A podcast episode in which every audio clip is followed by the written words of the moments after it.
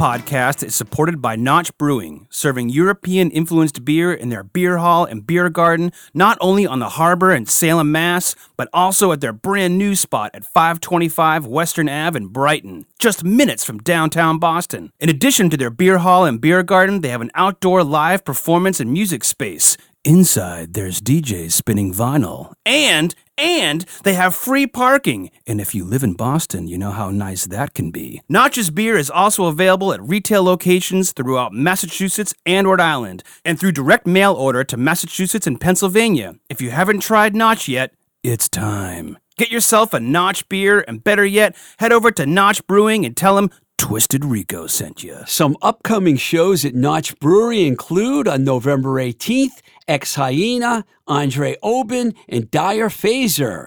On December 2nd, The Splinters and Sonny Jim Clifford. And on December 9th, Noah Hartnett and James Van Dusen and the Rolling Rust. Notch Brewing in Brighton is once again located at 525 Western Avenue, 617 548 2947. You can reach them at info at notchbrewing.com. Welcome to Blowing Smoke with Twisted Rico. I'm your host, Steve Ricardo. This week, an interview with Mike Skill from the legendary Detroit new wave band, The Romantics. So I know there's a lot of chaos going out there in the world, so I want you all to take a deep breath and we're going to take a trip back to the 80s and we're going to find out and talk about the Romantics and the role that they played in the history of American New Wave rock and roll. I always say that the 70s were my favorite decade for rock and roll, but the 80s are a very close second. Today, we're going to talk about this band that really had a pivotal role. They were up there with the Cars and, the, and Blondie and all these bands that formed in the mid to late 70s and had a real impact on American New Wave music. The Romantics actually formed in 1977 with their original lineup of guitarists Wally Palmer and Mike Skill, who later switched over the bass, Rich Cole, and drummer Jimmy Marino. When they released their debut album, in 1980, it was regarded by many, and it has the distinction of being the first record released in the 80s. And it also included a song that ended up being one of the most popular songs in American rock and roll history the song What I Like About You. Uh, what was really odd is after they released that record, rather than promote the record for a long time, the record company asked them to record another record. So they recorded National Breakout in the same year, which unfortunately didn't result in a national breakout. So the band actually did a little shakeup, and Mike left the band, and he was replaced by Coz Canler. He joined on guitar, and Cole moved over to bass, and they released the album Strictly Personal, which lacked the hit song and left the band in more limbo. Cole soon there left. Skilled returned as the bass player.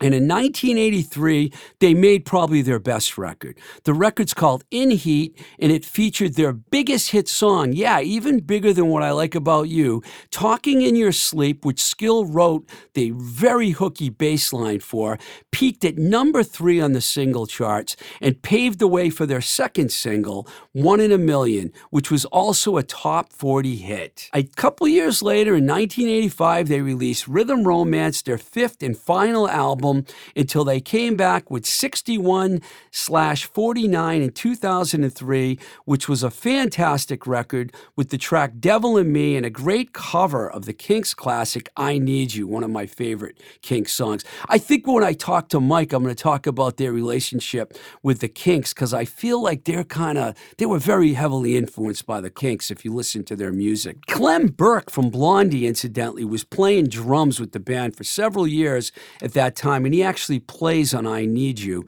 And he was with the band until Brad Elvis joined them as their permanent drummer in 2004. I believe that happened because Clem went back and started playing. There was some Blondie gigs and some Debbie Harry gigs, and he went back and was doing that. And the Romantics decided they wanted to tour more, so they recruited Brad Elvis from Chicago. I got to see the Romantics and meet them around that time because the Charms played like 20 shows with them 20 to 25 shows across the United States. And I remember one very memorable night in San Diego when they blew the audience away. They were really a fantastic live band. They looked good, they sounded good, they played good. Ellie contacted me, as she often does.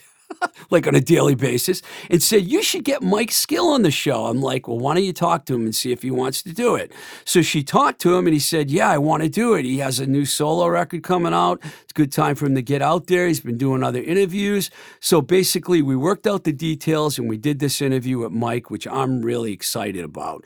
Ellie actually wrote a song called So Romantic, which is on their Strange Magic record, as a tribute to the Romantics. And Wally Palmer came down to Ghetto Recorders in Detroit with Jim Diamond recording and sang background vocals on that. So those two bands have a history together, and that explains how this all happened.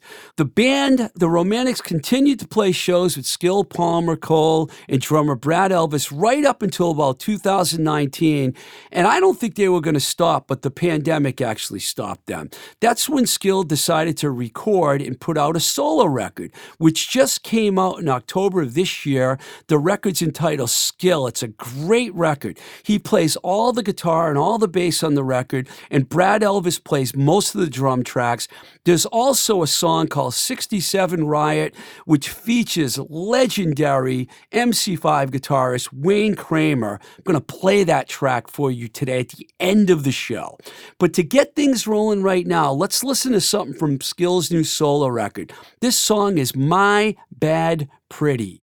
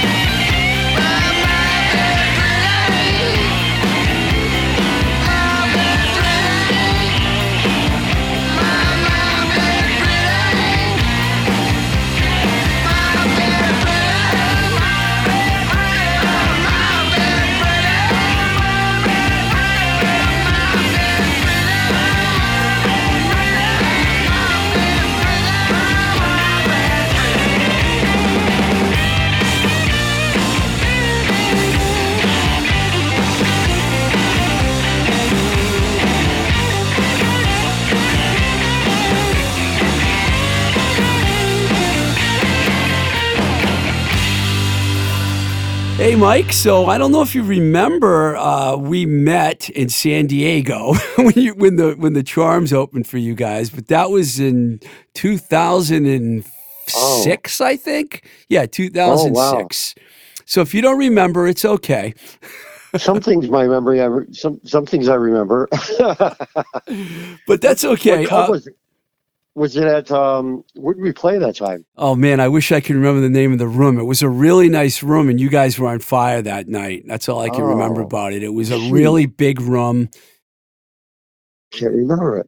It was a great show. I do remember that because you know I've gone. We both have been to a lot of shows since then. So I have to ask you, um, when did you leave the beautiful city of Detroit to move to the West Coast in Portland, Oregon? Well, um, let's see. I we uh, my wife uh, was with is was with the Tubes, and um, we met on the road uh, when we played in 1983. And then she was on the road, and I was on the road for a year or so, and then uh, we got together after that in Venice Beach, where um, she lived. And then I used to go on the road and come back there and stay there for uh, in between shows. And then um, uh, she moved back up to Portland, uh, and then I was still on the road, so I was coming here until about eighty. Oh God, eighty-seven. I bought a house, but I was I was traveling here a lot, back and forth. So I was basically here in Portland through the late eighties, Wow, that's a while. and uh, yeah, she- yeah. it's a little different than Detroit, huh? So, and, and I was in Detroit all the time. You know, I was back Oh, and forth. My parents, my Right. parents and brother and brothers and sister live there, and and I was still on the east side of Detroit too as well. So I had a house. At one point, I bought a house uh, in the '90s, and uh, a small house in Detroit and Ferndale, Michigan, and uh, and was traveling back and forth and still on the road a lot.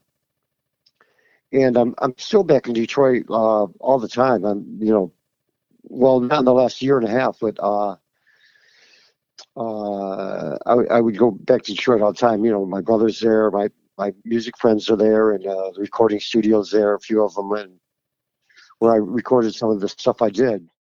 I, I go to I, I go to Detroit. Well, I was going to Detroit a lot. In fact, the last time I was in Detroit, I stayed in Ferndale at my friend Troy Gregory's house. I don't know if you know Troy.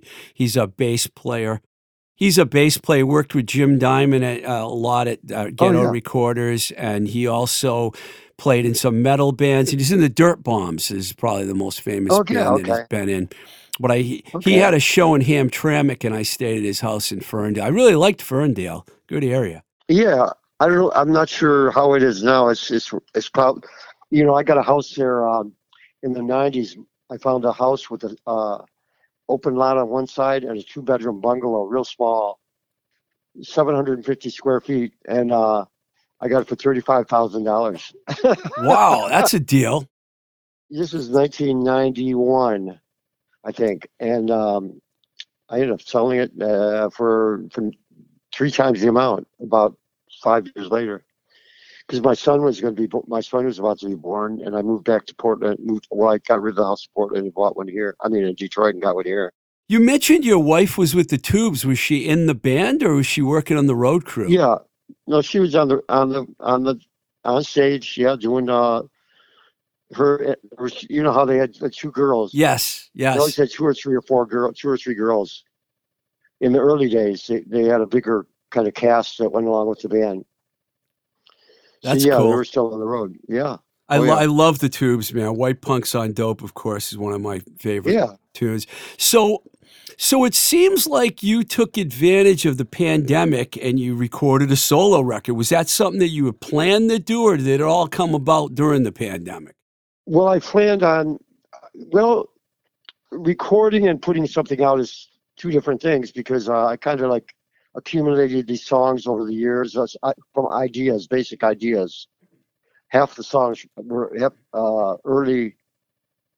Uh, I'm getting an echo here that's bouncing back on me, but um, I'm through the phone. Um, but late later 90, later 2000s, I started getting pulling together these tunes, uh, basic ideas, and then I was finishing up uh, in the last five years, maybe really majority of the last three years, but um, pulled them together, pulled together about five songs, mixed them.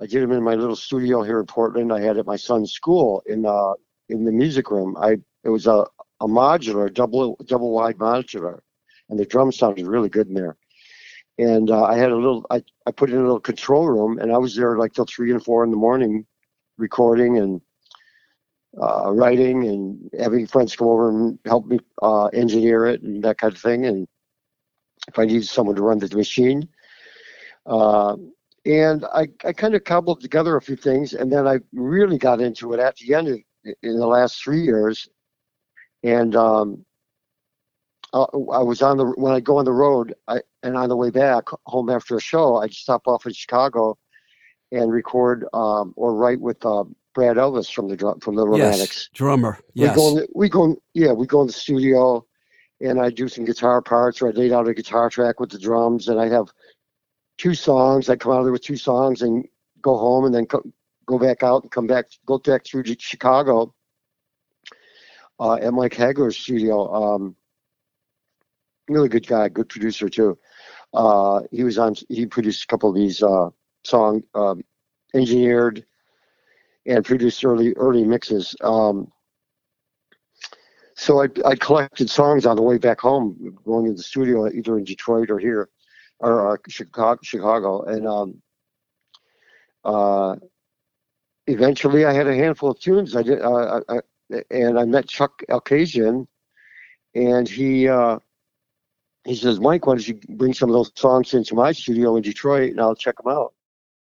So this is something that you worked on. You've been working on this record for more than just the pandemic. Well, in 2005, um, we were on the road with uh, Little Steven's Underground Garage. I think it was uh, 2005 or six, the Underground Garage tour. And um, so Brad and we were on the bus. So Brad and I were writing while everybody's all going crazy, partying and everything. We're writing in the back of the bus. We're writing songs, and uh, we collected about six, five or six songs for a little project. And uh, so we were collecting songs along the way. But um, really, I got into it after that right after that. Started, you know, like 67 Riot, I had that title for quite a while. I was thinking, just thinking of the title, of the title and what I would do with the song. I didn't really have lyrics at the time in the mid 2000s. But then I started laying down lyrics, and you know how it is. You just oh, yeah, yeah. Collect a verse here and there, and then I'll give a title. And so that one I had half finished, and I got in the studio, and I actually laid down the track and I actually made a mistake on the last verse. I didn't uh, play it the same way somehow. This happens. I let it go though. I always let it go. Where the ver- the, end, the last verse will be a little. Di- it ended up being a little different. I, I uh, which is a happy accident. You know, it's those kind of things happen. Yeah. Where uh, I had to apply a different thing to it. You know, just a different melody or a different way to do it, or I wanted to do it that way. And it happens in the studio. I'm still sometimes still writing even when I'm recording. So I, I'm changing up the, the verse or something. It depends. It depends. Well, I like I like I like where you I like the solo record, and uh, I want to talk to yeah. you more about that in a few minutes. But I wanted to, I was wanted to see if we could go way back for a second here to the beginning. I, yeah, I know sure. the band. Um, formed in around 1977. What was the climate like at that 76? What was the yeah. climate like in Detroit at that time? Because I've always been a huge fan of the Detroit music scene. Seemed like yeah. that was a really good time. Well, it was a uh, oh boy, um, from about 72 all through the 70s, it was dead in Detroit because it was just bar bands. There, uh, there was nowhere to play. There's not maybe two clubs to play the Rainbow Room downtown. I think John Sinclair had that, and then um, and you get blues bands and uh, this and that, and then you you had the big theaters. You know, you didn't have the you didn't have the uh, the cool little clubs for original music yet. It was just bars and uh-huh. lounges. Uh-huh. And so there was a lot of cover bands. We're, we were writing since I was a teenager. We we're always writing. That's what's our deal. We had a little rehearsal studio on the east side of Detroit most bands did. Two or three bands that we knew had rehearsal studios. They were like old uh, hair salons or little um, storefronts on the east side, and you go there and you just hang out there and you, put all your egg cartons up and your foam and you it was your little cave, and um, so we were always at that writing. We were we weren't trying to play club. We weren't trying to play the bars. We were, we were trying to write and write original stuff because you could go out and play, but you'd have to play uh, four sets of uh, non-original music, you know. Yeah. So it wasn't until I was reading a thing yesterday that reminded me. Uh, Greg Greg Shaw had Who Put the Bomp was a Yeah. magazine, and um, he hooked up with the Flamin' Groovies, and he really started to feel out. Uh, he, he was putting out this thing about. Um, it was pretty much about. Uh, God, it was like a new a new wave thing. It was like a new wave thing. He was talking about cool songs and cool records and from the 60s and 70s, 60s and 50s, and he actually started going. He was going to. He was living in New York for a little bit, and he started a scene started brewing there, and then uh, he was going to London and producing the Flaming Groovies, and then he ended up managing managing him, and, and he kind of built this like little cottage uh, industry uh, with 45s, just 45 records they started putting out, and so our thing was uh, when it came to 70, late 70s, 76, when we were forming, we wanted to put out a, a 45 because of Greg Shaw. Uh, you read all these articles and um, in his magazine, and then New York, you had uh, Hit Parader magazine. We're reading about New York and L.A. And as we're reading, and sitting in Detroit, and Detroit's crumbling because of the car industry and the gas crunch. There's nothing. It was like nothing downtown. It was a cavity of just. It was just a big. Uh, well, deserted area. I mean, you have people going downtown to work a little bit, but no one went downtown anymore. It was really just rock and rollers going to like the Masonic Temple or Cobo Hall to see. Um, we were going to see Mott the Hoople and T Rex and Nazareth, and eventually J. Geils came along, and they were really a raw kind of like blues, rhythm and blues, rock and roll thing, and they were really, really a draw. Really starting from smaller clubs, smaller theaters, and we're following them. Um, Yeah, we're right here in we're in Boston, so we know all about the J. Geils band yeah, here. yeah. So they were like really uh, taking on the Detroit vibe, and uh, the MC5 had broken up. Iggy and Stooges were living. In, Iggy was living in LA, and we're watching from Detroit. We're seeing the glitter scene and the and the glamour, the, the Hollywood stars hanging out with Alice Cooper and and uh, play, the Starwood Lounge, and you know it's all real. They're nice party and everything in New York at the at uh, Max's, Kansas City, but nothing was going on in Detroit. So this bomb thing really kind of spurred the whole vibe with uh, the Ramones came up, uh, Blondie came up. People were making their own 45s, and then London started happening with the new wave and the uh, punk scene. So we were that's that's what was going on. It was like really nothing in Detroit until the punk scene happened. Then little new wave clubs would open up on like a Sunday night, or the radio station would play original music on Sunday night. Maybe bands had 45s or um, new bands started playing. So we were part of that whole new thing that was happening because we grew up. Most of those bands and people were uh, grew up on the Detroit of the '60s, the MC5, Stooges. That's where we grew up. We grew up with listening In to Motown too, right? Third Power. Yeah, Motown when I was like 12, 10 years old. It was just beginning, just beginning. But and they were getting heavy radio play on a Canadian station across the river. And um, huge, huge station, big tower. You had to have a big radio tower back then. It wasn't like now. And they had like 45, 50,000 watts, and it would go down uh, on a cloudy night. They could hear it down in Tennessee and Kentucky and Florida sometimes. It was really powerful, and um, it, it, it really engulfed the whole Great Lakes scene, uh, or, or Great Lakes um, population. So you you get a, Bob Seger would have like a East Side Story or some early single, early 45 would come out, and uh, they know about it in Ohio and Chicago, and you know it'd go everywhere because the station was so big. And we were getting, uh, they'd be playing James Brown and the Rolling Stones and Aretha Franklin. It was great. It was like soul music and rock and roll from England, from all the English bands and you know all the new the new stuff in the '60s. Uh, um, the uh, Strawberry Alarm Clock, uh, Blues Magoos were not one of my favorites, and uh, the 10, 13th Floor Elevators and all that stuff. Great band. Yeah, so it, Detroit was a big. It was a fact. It's a big a factory town building all the cars. The car the car companies were um, open 24 hours building cars back then, in the 60s and um, and 70s. Until it, it it it really closed down because the J- Japanese cars coming in.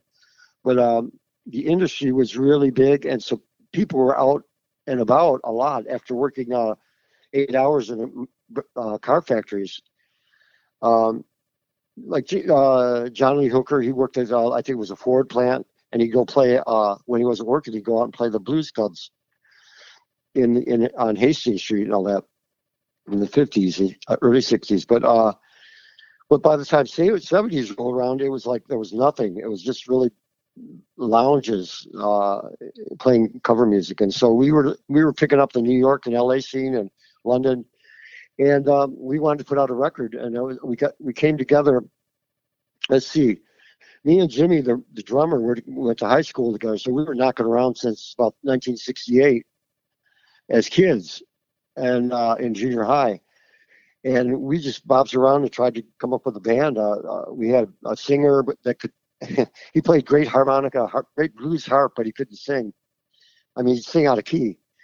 But we still used him because he was uh, like our brother, and um, we just uh, jammed a lot and wrote, wrote songs. And uh, eventually, um, we had this little group right around that time when Jake Osroder was coming around. But we were doing like Iggy kind of stuff, Iggy MC5 kind of stuff. We had the Motor City Rockers. Yeah. And one of the the girls girlfriends of uh, the guitar player called uh, Hilly Kristal at uh, at uh, CBGB's, and yeah, and in 1974 or five, we went to uh, the Dolls had just broken up, I think, a little bit before that, and uh, uh, 74, and uh, we went to New York and uh, we played CBGB's one night, and uh, it was a, it wasn't crowded or anything. It was just like a regular uh, kind of a dive rock bar, uh, real creative though. You could play whatever you wanted. It was real artist, art, artistic, artist kind of vibe.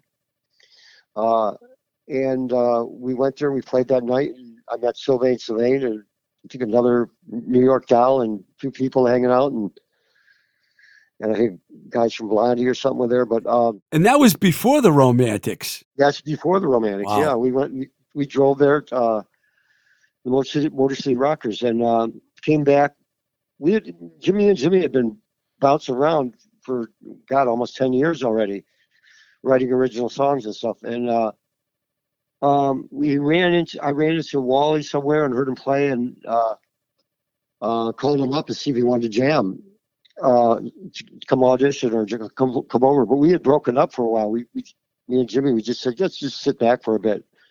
So that summer of '76 we didn't do anything until late, later in the fall and we brought Wally in, and uh, he brought Rich in, and um, we just wanted to do a 45 and uh, write write songs, and that's what we did. And uh, the singer from the MC5 came over with the guitar player that used to play with us in high school, me and Jimmy, and uh, they wanted asked us if we wanted to play uh, a uh, a show that the MC5 was doing. They're reform, reforming two guys from the MC5 and uh, Robert, this guy Robert on guitar, and I guess they pulled together a band. And um, they were still kind of like 70s. They had uh, still had really long hair and bell bottoms and kind of still playing Les Pauls and big Marshalls and everything. And, and the whole thing was changing right then at that point. Bands were playing through little small Fender amps like uh, or box, old box amps and Rickenbackers. We were playing Rickenbackers and Gretsches so we were like the antithesis of the 70s thing. Right. We, yeah. So we were following the uh, the new wave thing uh, coming out of London and New York and LA. And uh, we wanted to put a 45 on. So we we agreed to do the show and they accepted. They thought we were going to be a little pop band. We, we played for them in this, our little uh, record, our space, little, uh, uh, the real re- rehearsal studio. It was an old barbershop and it had tons of mirrors. so it was really cool and uh, and you could really jam in front of the mirrors. But um, they came over. They thought we were going to be a little pop band because we looked you know, really short hair and our our uh, 1960s suits, uh, jackets, skinny ties, and all that. And um, we played, and we were all over the stage, and we had great songs with choruses and real short songs, and we really stood out. We uh, had these orange orange iridescent suits I like I like how you guys I liked how you guys used to dress back in those days. You're all dressed in unison and stuff. I have to ask you a question just to move along here a bit. Uh, apparently, from what I hear, you guys play. It was only your second show, and you opened for. Was it? I know Frampton was on the bill, but I couldn't remember who the other band was. In front of eighty thousand people, that really happened, didn't it? yeah. it? Yeah, that was what it was. Is when we played that show opening for the MC5, they had their their uh, what do you call it for the for the press and the radio radio and uh, the press, radio, and TV were coming there, and they saw us. This band, this young guys running around the stage with short hair and doing pop songs and kicking ass. And they came out and you know they did their thing, but um, we got asked back. It went so well, we got asked back. The 45 we are going to put out didn't come out to the next time, next show, two weeks later, at the same club with Mink DeVille. And then uh, we did that show. The 45 came out, and we had a packed house, and uh, and they started playing our 45 on uh, the FM radio, the, the local uh, W4, I think it was. Um, and uh, then our managers finagled somehow uh, the the promoters from the big promoters from Detroit, um, Bamboo or whatever it was, uh, Productions, um, Frampton, uh, J. Geils, Steve Steve Miller were playing. Steve and, uh, Miller, that's who I couldn't remember. We, yeah, Steve Miller. Right. Our, it was our third show. We would play two the two club shows for about 200 people each night, and um, here we are. We're opening for uh, those guys in uh, the Pontiac Silverdome. That's fantastic, man! What a hometown hero uh, story that is. Were you guys like, I, I get the feeling that you guys listen to bands like the Kinks a lot when I listen to your music. Who are some of the other bands that influenced you during that period? Because I know you guys came up with like the Cars and Blondie and all that, the, the whole American New Wave scene, but you must have been influenced by English bands as well. We yeah, we were influenced by what everybody else had, but we grew up with the MC5 and Stooges and Bob Seger, uh, early Bob Seger, and early Ted Nugent when he had the Amboy Dukes and and early uh, Grand Funk was the pack. So all the local bands, basically, all the yeah, Detroit bands, up, yeah. They were playing all the teen clubs when we were just getting about 14 or 15 years old. All these teen clubs sprouted up in Detroit, all around Detroit. The Mump, the Chatterbox, uh, the Hideouts. There were three clubs called the Hideouts. And you, it was a teen club. If you were 16 years old, you'd pay, uh, pay to get a card and you'd go there every week and uh, all these bands played there. And Dick Wagner uh, from the Frost, uh, he had an early band that played there, and uh, the Lazy. I think it was one of the uh, Ron Koss from the Lazy Eggs. He was in the uh, Savage Grace. That was a big band in Detroit, and SRC. So all these groups, we had we had something to really learn from, build off of. Yeah. those groups, and a lot of Detroit energy because of you know factory town, working class, and uh, raw, dirty, dirty, dirty air, dirty city in the early '60s, and uh, smoky, and you know it was everybody was really working hard in unions, Union City, and everyone worked together with all different uh, nationalities, and the neighborhoods really uh, together. You know, Italian town, Italian areas, and uh, five kids, uh, families with five kids on the block. So it was just a really uh, vibrant scene. And MC, uh, uh, the Motown scene happened uh, before that. All that rock and roll, the Detroit rock and roll thing happened. Motown was happening, and the radio station was really popular. Uh. So I grew up like listening to the early songs from Motown. Um, you better shop around and all that stuff. The really early stuff before Supremes, just when the Temptations were coming out, I was just entering junior high school. And the kids in my school dressed like the Temptations. the, the black kids at my school, they they had the silk suit, silk socks, the, the iridescent pants. They looked like Temptations. What a great, we were, what a great place to grow up, man. I know Detroit's yeah, we regarded as a rough town, but you know, I mean, the music just yeah, yeah. incredible. And we were we were looking like the Kinks and the and Stones and Animals. You know, we're going to our oh, junior yeah. high school. Yeah. So um, that's what it was. And uh, so I caught the 50s for my brothers, their records for my brothers. You know, they had the doo-wop, uh, the real black uh, doo or doo-wop uh, R&B songs, and Chuck Berry and um, uh, Buddy Holly, and I had those records for my brothers. Then I then I grew up with Motown, and then the MC5, right straight up to the Kinks, Animals. That's was my stuff. Was Kinks, Animals, Stones, of course, Beatles, but um, you know, and then you had uh, Strawberry Alarm Clock, the uh, Chocolate Watch Band, uh, Blues Magoos, um, and uh, the Seeds, all that stuff. Oh yeah, Too Hard. Sky Yeah, so Saxon. Yeah, so yeah, yeah. So I had it from the fifties all the way up to seventies, even the seventies with uh, you know the Stooges coming back around, uh, and uh, and then uh, the burgeoning whole new wave scene. So it, it's like uh, I've got an encyclopedia of just going Yeah. up with the music, and uh, Could so I had a you? lot to.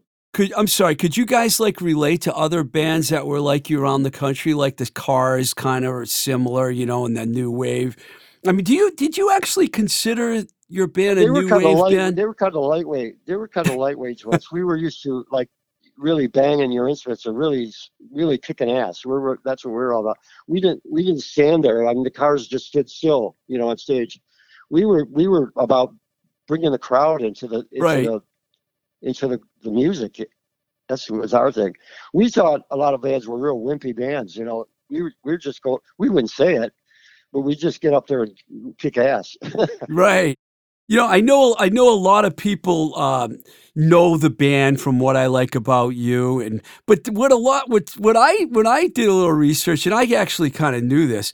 Talking in Your Sleep was actually a song that charted higher, and I know you're credited for coming up with that bass line. yeah, Uh, right. Is it true that that was the last song that you guys actually came up with for the In Heat yeah, album? Yeah, yeah, yeah, exactly. I mean, I I played bass all the all, with Jimmy on drums from junior high because there, you know no bass player around, and I I learned on guitar first. I, I my whole thing was guitar all through the '60s and uh, well from '60s on, and um, mid '60s, and um, yeah, so I played bass all through junior high and high school, and I played bass when I went to CBGB's, played that that show, and then I wasn't going to be the guitar player. I, I I had songs when I when I heard the Flaming Groovies when Greg Shaw back the Flaming Groovies and they had their record out. That was the record that really magnified my magnified my um my my scope to writing what what to how to what music we were going to put together what what the sound was going to be because I love the Kinks and that's what I, the, the Flaming Groovies came out with that record and it just made me um, it was the Kinks and the Jam. The Jam had. That Oh, I love the of them. jam. Yeah, they were cool. Yeah, their look, their Yeah. look, and their sound and their attitude was like a Detroit band. They they moved around a lot. They had a lot of energy. So those two groups, the Flaming Groovies and the Jam, were the ones that really, um, at that point, said, "Yeah, that's I can do that. I'm going. I, I can write that. I can write that stuff." It just really made me realize I could write that and write melodies and sing and actually sing. The Romantics, all four of us sang when we were coming up before the records, before we were signed. We all sang when we we played shows. We all sang songs. Uh, each of us did three or four songs. And by the time we got on in the studio, the, the producer produ- really rounded around Jimmy and Wally. But me and Rich were really were strong singers as well. But nobody knew that really, and it just got that's the way it worked out. And um, I would bring songs in, and then we'd finish them. You know, uh, and and those guys would end up singing them. But um, anyway, what we go, what Talk, we, uh, talking in your sleep, I, I I read somewhere that you you wrote the bass line, you brought it- that song to into the when you guys were still recording, and and you guys create it ended up being your biggest hit. well, before before anyone realized Motown's bass player and the Motown Motown's musicians, we knew about those musicians. We knew about those guys that played that stuff. Just like we knew about, I knew about the Wrecking Crew before that thing because my friend, uh, one of my bands, a keyboard player, we were into producers in the in the mid '60s. We were into Phil Spector, Brian Wilson, uh, Jack Nitzsche, Allen Toussaint. Uh, uh, Brian Wilson. We were new about the recording process. We were about all about recording in uh, early early seventies. We we had the we had the TEAC recorders, so we were all about knowing about it. So I was I was into James Jamerson early. Oh yeah, Uh, yeah, great yeah, bass player. Yeah, James Jamerson, and then when Jack Bruce came along and McCartney and Chris Squire from the Yes, and uh, Jack, Jack Cassidy. So I was in the bass heavy in through junior high and high school. It's really interesting because a lot of guys that you know played bass and guitar, a lot of them always end up wanting to be a guitar player. But you sound like you're more interested in your time as the bass player than the guitar player. Because when the well, bands, was, but re- but Detroit had such great guitar players. I mean, I the guys in my band were great. Sixteen year old Robert Gillespie could play like uh, Eric Clapton. You know, early. This was in in junior high, in high school and so he was our guitar player, but I was watching, I'm watching all these guitar players and I'm picking up what they're doing because I had been playing guitar, you know, from 65. And uh, in all through the 70s, I'm watching these other guitar players and picking up on their style and uh, learning. But I'm playing bass and uh, with Jimmy. And uh, so I had a good schooling from all the players in Detroit. They're the best guitar players. Detroit, really good guitar players. Jimmy McCarty from Cactus. oh yeah, Ted, Ted Nugent in the early days, he was just a really a songwriter and guitar player. Uh, uh, Dick Wagner, Steve Hunter, they both played Yeah. Kiss. I know. Yeah, Yeah, they- those Aerosmith- guys are. Aerosmith. Yeah, those guys Those are guys I great, saw, yeah, they played high school. Our high school, high schools. We were watching them in uh, high school dances. Uh, Steve Hunter from Detroit, Mitch Ryder's, Detroit. I'm glad you brought up. I'm glad you brought up Jim McCarty because a lot of people don't know him. He was legendary. He's badass. He's he's he was like the Jeff Beck, Jimmy Page Yeah. uh, of Detroit. I mean, he he was he wasn't trying to be one of those guys. He was alongside those guys. Those guys were listening to him, and uh, he still plays in Detroit. I, uh, he still has records coming out. Uh, Jimmy McCarty from you know, Yeah. he's uh yeah he's uh, uh what's the Detroit blues uh what, what's his, I can't can't think of his band name right now. I'll think of it. This is why I love Det- uh, Detroit so much. By the way, there's so many great musicians that have come from Detroit. It's the list is so long, and then there was the whole reemergence of garage rock and everything that happened in the last 20 years. You know, with all the younger bands coming up too. Jack White the Hives Yeah. and all, all that stuff, all that stuff. Uh, the Dow- the Dowel Rods, Dowel Rods. Uh, yeah, and uh, Do what you call it, you mentioned before. Uh, uh, uh, uh, what's his name? Jim Diamond producing all those groups. Oh yeah, yeah. Jim Jim did a Char- Charms record. That's how I because you know I managed the Charms, so that's how Oh, I yeah. got to know Jim. And I worked with the Gore Gore Girls from Detroit as well. Oh so yeah, yeah. what- That's yeah. yeah, one of my other favorite bands from Detroit is the Paybacks. I don't know if you know them. They're Wendy Case. Oh yeah. Yeah, I love Oh, that yeah. band. Love that band. Um, I want to just She's go. so wanna- good. She's yeah, so good. She's Wendy- so good. Yeah, Wendy's awesome. Wendy's so good. Wen- Wendy and Amy Gore and um, we when we were coming up, it was uh, Nikki Corvette uh, and uh, Nikki Corvette. She's another Detroit legend. Yeah, absolutely. Yeah, she's. I just produced a single with her. Um, a record's coming out. It's a tribute to the Go Go's, and uh, a guy in Detroit wanted everyone to do a Go Go song. We picked out a Go Go song, and I produced it and I played guitar on it. She sings on it. wow, that's And she was out fantastic. before. She was out before the Go Go's, and I think they kind of heard her th- her album, and kind of were influenced by her a little bit. Yeah, I, re- It's a record called. Uh, it's a record called "If You Gotta Go, Go Go." Um, I'm gonna check that go, out, go, man. go. I'm gonna check that out. I wouldn't. Lo- I'd love to get Nikki Corvette on the show actually sometime. Yeah. She would be really cool. Yeah, and we met Ellie um, on the road with uh, the the underground garage scene, that Right, whole thing. And yeah, they're yeah, her husband was a great guitar player friend too as well. Joe Wisda. Yeah, I mean, I, I Oh, saw yeah. a lot of those shows because I was managing them at the time. So I, that's how that that was what I was at Wow. that show in San Diego. But I went to a bunch of the other right. shows. That was a a lot of fun, man. I lo- they love playing with you. Ellie actually wrote that song "So Romantic" about the Yeah, romantics. right. You know, I mean, That's right. Um, That's right. I want to talk to you a little more about your solo record before we go. And I wanted to ask you the story behind 67 Riot because I'm going to play that at the end of my show here because I think that is fucking unbelievable song. And did you and Wayne, like, were you friends for a long time, Wayne Kramer? Is that how? Well, I I met him like in the early days. Um, like uh, let's see, when when Johnny Thunders was coming to Detroit and Dee Dee Ramone, they were all hanging in Detroit a lot. And uh, Jimmy Johnny Thunders was uh, in a couple bands with uh, Wayne Kramer. He was in um, what was it called? Was he in? Uh, oh shoot, what was it called? You're The testing me now. Uh, I yeah, I'll have to get back on that. He was in a Wayne, a couple of Wayne Kramer's bands. Wayne Kramer's a guitar player from the MC5. Yes, yes. Fred, Fred Sonic Smith and Wayne Kramer were like two of my favorite bands when I was 16, 17 years old.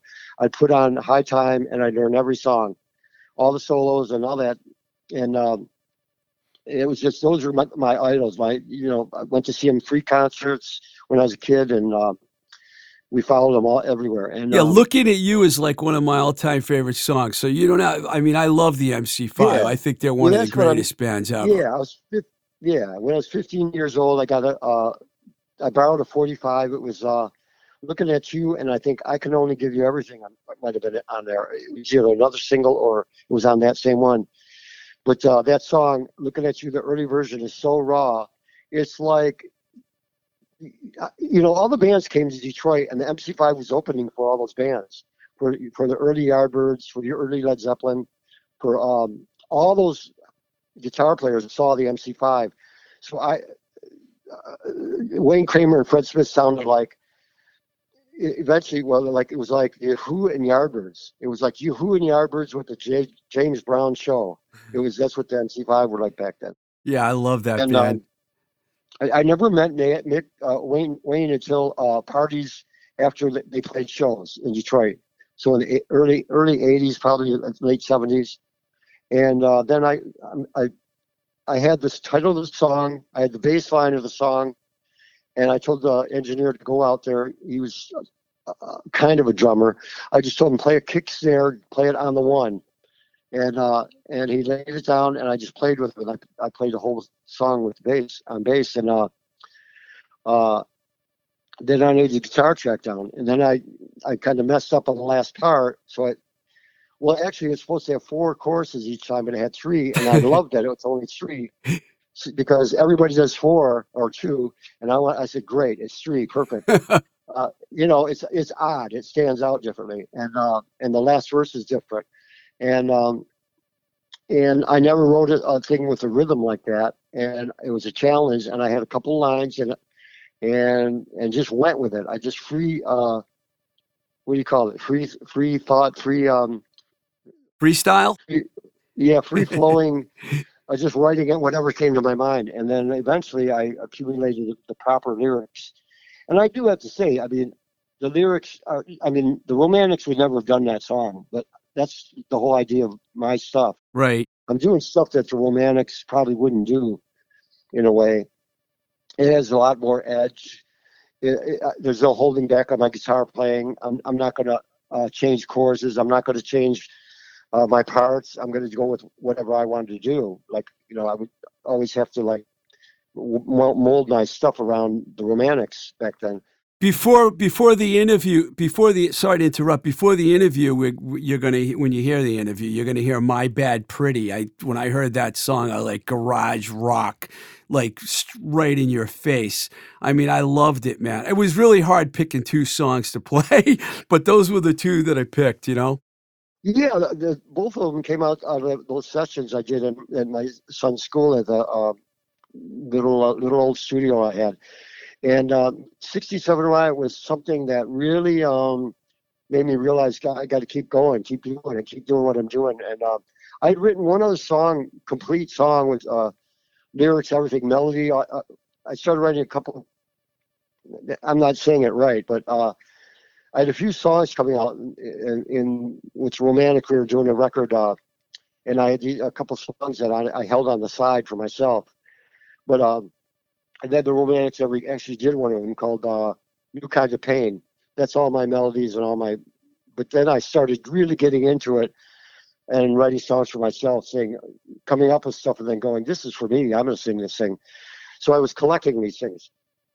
But uh, Well, you did a great job, man, because your solo record is fantastic. It's on Bandcamp for anyone that's out there listening, and I highly Yeah, thank you, recommend that you go out there and check it. I wanted to ask you about your future plans. I know that you, um, Brad, played on a lot of your solo stuff. Are you still in touch with Wally and Rich, and do you think that the Romantics Oh, yeah, will yeah. play? Are you guys Yeah, going to uh, play again? Yeah, it's uh, we're just kind of off now. I mean, Yeah. with the pandemic and everything, I just concentrated on my stuff and went in the studio, mixed my stuff, and it came out so good from Chuck Alkazian. I brought it to Detroit. Uh, late, let's see, late last year, uh, I went I went there in Detroit when it was when everything was mellowing out, when it was getting like kind of good, and uh, I think it, uh, the pandemic hadn't escalated as, as far. I took a chance and we uh, we were real careful. We stayed uh, away from everybody, didn't hang out. Went in the studio. That's the only place I went to the studio, and uh, we finished all the mixes. And uh, like I was going to say is, I took my I took my stuff over to Chuck, and um, and it came back the early stuff, the early five songs, and it was so good. I go, God, I can't believe his production was so good. I had to, so I ran with it, and I finished up the record with him. And the other thing is 67 Riot. Um, meeting Wayne Kramer, Chuck goes, call Wayne. I go, man, it'd be great having Wayne on this because I love Wayne and Fred, Fred Smith. He goes, call Wayne. I go, nah, I can't do that. I can't call him, man. I can't. And he goes, call him. And I thought about it for about five days and uh, a week. And um, I called him and I go, I, I, I, I Wayne, uh, I got the song. it's 67 Riot. Uh, it's about the riots in Detroit, and I want to send it to you. I want you to play guitar on it. And he goes, well, send it to me. I, would like to hear it. Uh, I sent it to him. He got back to me. He loved it. It was the whole the whole vibe was like uh, MC5, uh, uh, you know, like Motor City's Burning. Yeah, absolutely. Yeah, and uh, that's kind of the, was the kind of the roadmap I went by that, and it was and Motor City Burning and Funkadelic I was thinking of in my head, and um, and Jimi, Jimi Hendrix, and whatever. But um, that whole groove, and and uh, so Wayne agreed to do it. I sent it to him, and it came back, and I played it. We both Chuck and I played it. We go, we were, we were like speechless. We're going, we can't touch it. We can't turn it down. We can't cut it. We can't edit it. Just leave it the way it is. And that's what we did. We left it the way it was and put it out. Well, it rocks, man. It's definitely. Uh, I love it, man. That's why I yeah, played it. it turned out good. Oh, so, so, with romantics, well, we've been off for a little while, and um, well, who knows when we're going to get together? It's uh, you know, with all this stuff going on, it's kind of hard, and no one wants to play where it's super crowded and no one's wearing masks, and we don't want to get sick. And yeah, I don't blame we're, you. We're vaccinated. We're vaccinated over here, you know. But who knows? I mean, we'll see what happens coming up in the new year, and I'm working on playing too as far as my stuff. So the record's out now. Uh, it's on all. It's all on um, streaming. All the streaming services, all of them. Bandcamp, everything. Um, let's see, I had a list here. It's on uh, all that stuff Spotify, Apple Music, Bandcamp, SoundCloud, iHeartRadio, Amazon, iTunes, all of them. And uh, then we're coming out with CD. We're going to do a CD coming up here. So we'll have a CD, and then uh, the vinyl comes out next vinyl. year. Uh, as soon as we, well, that makes me happy. I love vinyl, so I'm happy you're yeah, doing yeah, vinyl. that's the first thing I'm thinking of. It's just I had to get it out on the whole idea was I put out five songs last year, six songs, including a 45. Uh, you can still get the 45, 67 Riot 45. I'll send you one. Oh, I love the go. I got. it. I didn't know there was a 45. I can't wait to yeah, get that. I, I did. I did 45. It's got a, th- a, throwback label. It's the same label MC5 had on. Looking at you, same label art, but I changed it to Wayne Kramer, Mike Skill, and it's just really cool. And um, you can still get them. It's uh, if anyone wants it from uh, MikeSkill.com. It's just send it, send, send me a, a, note or something that you want it. And um, and uh, anyway, so well, thank you know, Mike. Hey, thank you, man. Let me tell you, the the MC the the late the I always wanted to have the album come out. Uh, it's backlogged. Uh, all the pressing plants are backlogged right now. So oh, it's yeah. gonna be three, four, yeah. five months. So anyway, really thanks for having me. Yeah. Thank you for being on, man. I really appreciate it. I've always been a fan of you and the band, and I, I appreciate you taking the time to come on the show. Yeah, great, man. I, I really appreciate it. Uh, thanks for uh, playing a couple songs. Um, I, you know, you, you ask me a question, I go off. I can go on off on tangents about all these different things. I've got this echo. I've got my voice echoing in the phone here. So I'm sorry, man. I'm sorry. I'm sorry. But hey, man, thanks. Thank you. And you know, I wish you nothing but the best of luck. And hopefully, I can. I'll get to see the band sometime, solo or the Romantics again. Well, thanks for uh, getting me on Blowing Smoke, and uh, Steve, thanks, and uh, uh, Twisted Rico. Now, who's Twisted Twisted Rico? That's me. Okay. well, I'm going to thank right, Ellie. though, because LEV is the one that you know told me that she should talk to you about coming on. So I got to send a thank Yeah. out to her too. Well, I was going to say when the album comes out, I'll uh, the final comes out. I'll, I'll gladly do it again if you want. Thanks, man. That'd be great. Well, you take care of yourself, all right? Thanks a lot, man. Thanks, thanks for everything, and I'll, I'll be talking to you soon. All righty. Keep on uh, doing it. There you have it. Mike Skill, one of the coolest dudes around. Boy, I'm going to tell you a couple things, but stay tuned because today we're going to do something that I only did one other time on this show. It's when Lee Harrington was on. We're going to end the show with a song by the guest. We're going to play 67 Riot, which features Wayne Kramer on guitar. So don't hurry up and turn everything off now. Keep it on because you definitely want to hear this track because it is a monster track with an incredible guitar lead by Mr.